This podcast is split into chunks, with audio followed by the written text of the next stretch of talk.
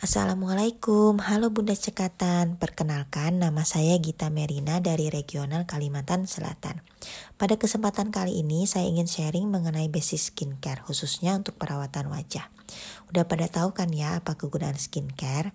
Nah, selain untuk mendapatkan kulit yang sehat, bagi saya pribadi, penggunaan skincare adalah salah satu cara saya untuk menghargai dan mencintai diri saya sendiri. Karena dengan menggunakannya, saya menemukan kebahagiaan. Sehingga sekarang ini skincare itu sudah seperti menjadi kebutuhan sehari-hari bagi saya. Nah, dari yang saya pelajari mengenai skincare, step skincare yang mutlak, urutannya itu cuma dibagi menjadi empat step. Nah, empat step inilah yang biasa kita sebut sebagai basic skincare. Ya, yang pertama adalah cleansing. Untuk malam hari, kita wajib untuk melakukan double cleansing. Tujuan cleansing ini udah pada tahu ya untuk membersihkan wajah. Yang kedua, yang kedua adalah hydrating. Nah, kunci untuk mendapatkan kulit sehat adalah kulit yang terhidrasi dengan baik. Tujuan hydrating sudah jelas ya untuk memberikan kelembapan. Uh, toner adalah salah satu yang biasa digunakan sebagai hidrator. Yang ketiga adalah moisturizing.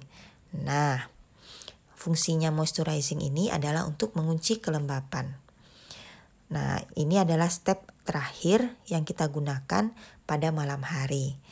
Yang keempat adalah protecting. Protecting ini digunakan hanya pada pagi hari untuk melindungi kulit dari sinar UV dengan menggunakan sunscreen.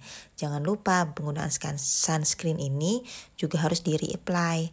Reapply-nya kalau saya sih minimal reapply itu tiga kali dalam satu hari.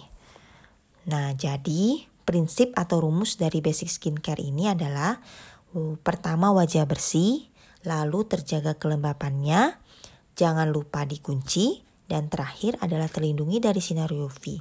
Sehingga jika rumus ini kita telateni dan konsisten, maka kulit sehat insya Allah akan kita dapatkan. Kunci kunci lain dari penggunaan skincare ini adalah konsisten.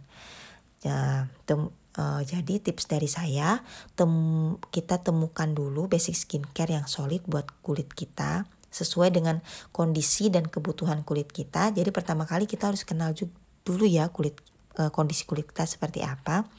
Nah, setelah ditelateni, setelah kita menemukan basic skincare yang solid, baru pelan-pelan uh, bisa kita tambahin sesuai dengan kebutuhan kulit, seperti mau menambahkan serum atau first essence dan sebagainya.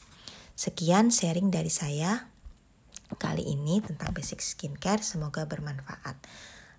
Wassalamualaikum warahmatullahi wabarakatuh.